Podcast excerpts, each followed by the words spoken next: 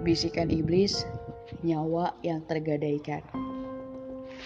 Malam ini gue mau cerita sebuah cerita nyata yang pernah diceritakan oleh salah satu temen gue waktu SMP. Sebuah cerita yang membuat bulu kuduk gue selalu merinding tiap mendengar detail dari sebuah peristiwa yang lebih dari sebuah teror. Sebuah cerita yang akan membuat gue berpikir ulang dari apa arti sebuah kematian yang sebenarnya. Sebuah cerita tentang sebuah keluarga yang terikat dengan sebuah takdir yang akan membawa mereka dalam satu bencana yang disebut sirep dunyoto. Hidup namun mati. Di sini gue akan menceritakan semuanya dari sudut pandang Andi, teman SMP gue yang pernah menjadi saksi peristiwa ini berlatarkan tahun awal 2000-an, cerita ini terjadi di sebuah kabupaten di Jawa Timur yang gak bisa gue katakan di mana tempatnya berada. Dan di sinilah semuanya kita mulai. Di, ini rumahnya siapa? Kok besar sekali? Tanya teman gue Randu. Seperti biasa, setiap minggu pagi adalah waktu yang tepat bagi gue untuk bersepeda keliling kampung dan pagi ini menjadi lebih spesial ketika teman gue di SMP, Randu, dan Riven datang jauh dari kota untuk bisa berlibur dan menginap di kampung gue. Sebenarnya, alasan teman gue menginap bukan untuk sekedar menginap dan mengenal rumah dan kampung gue, namun untuk melihat saksi bisu dari peristiwa yang tempo hari gue ceritain ke mereka. Sebuah cerita yang akan berhubungan dengan rumah besar di depan gue ini. Ini rumah yang aku ceritakan kemarin, kata gue, sembari menatap jauh jendela-jendela serta pintu yang sudah rusak tergerus zaman. Peristiwa ini sendiri sudah terjadi sekitar empat tahun yang lalu, dan sampai saat ini rumah ini tak terurus. Seolah menyimpan semua kengerian itu sendiri di atas tanah ini, gue sendiri selalu merinding tiap melewati jalan ini. Terlebih bila melihat rumah besar ini dengan pagar berkaratnya rumput liar di halamannya, dan terlebih setiap melihat ke jendela-jendela yang kacanya sudah pecah di sana-sini.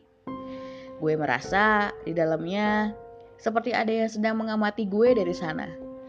Apa pun itu, gue merinding.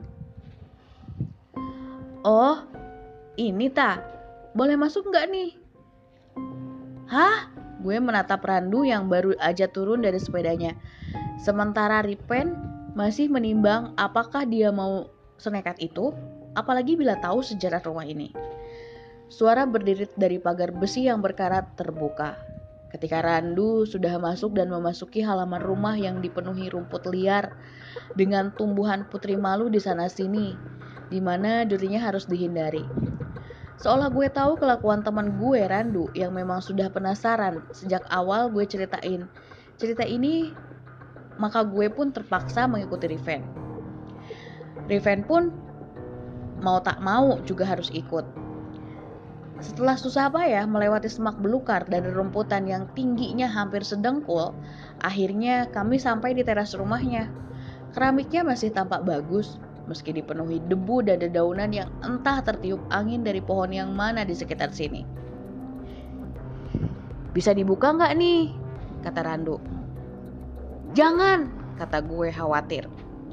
Gue udah buat perjanjian sebelumnya bahwa kami seharusnya hanya melihat dari pagar luar rumah. Namun realitanya malah kita masuk sampai di teras. Dasar randu kebangetan, dia malah memutari rumah dan bergerak pergi ke pintu belakang. Mau tak mau, gue dan Riven mengikuti. Di samping rumah ada tanah lapang yang juga dipenuhi rerumputan liar. Banyak pohon di sana mulai dari mangga hingga rambutan. Di balik langkah kaki kami, gue terpaku menatap jendela-jendela yang berjejer di sisi rumah. Berharap gak mendapatkan pemandangan yang tidak diinginkan. Syukurlah, kami sampai di pintu belakang dengan pemandangan yang gak kalah tak karuan seperti teras depan. Bau amis dan pesing tercium di sana-sini. Beberapa kali gue menahan penciuman hidung gue. Di lain hal, Riven hanya dia memandang ke sana kemari. Nyalinya menciut manakala dia melihat ke arah ayunan besi yang gak kalah berkarat dibandingkan pagar rumah depan. Itukah ayunan yang kamu ceritakan itu? Randu pun menatap ayunan itu. Kami bertiga tampak tegang. Karena gue pernah mendengar bahwa setiap malam hari ayunan itu selalu berayun sendiri, meninggalkan suara berdecit dari besi yang sudah lama tidak dilumasi, namun hari ini tampaknya semua baik-baik saja. Toh, itu hanya cerita dari warga kampung. Randu yang pertama mencoba membuka pintu, sesaat gue dibuat menganga karena pintu belakang tampak terbuka lebar di depan kami. Bisa dibuka loh rupanya, kata Randu yang entah begitu antusias. Masuk yuk. Gue berpikir Mungkin benar kata beberapa pemuda kampung gue. Banyak yang bilang, semenjak kosong, rumah ini digunakan untuk anak-anak nakal menenggak miras.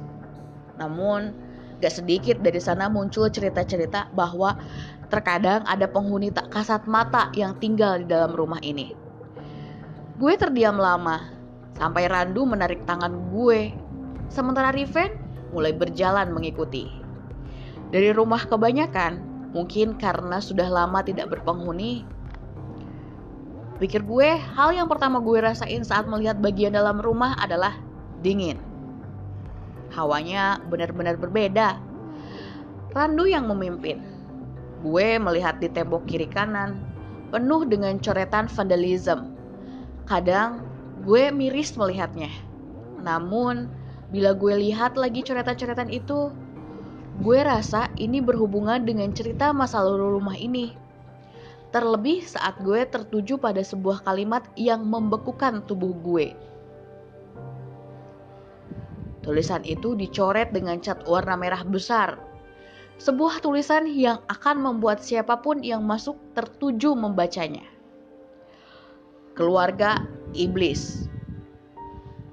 Gelap, pesing, dan dingin Semuanya begitu terasa, terlebih saat kita masuk lebih dalam lagi ke rumah itu. Jangan jauh-jauh teman, kata Riven. Gue baru sadar kalau sedari tadi Riven tampak tertarik. Begitu bertentangan dengan nyalinya yang gak seberapa. Randu masih menelusuri rumah itu. Sangat-sangat antusias. Dia melihat ke sana kemari. Dan itu mengganggu gue sangat mengganggu.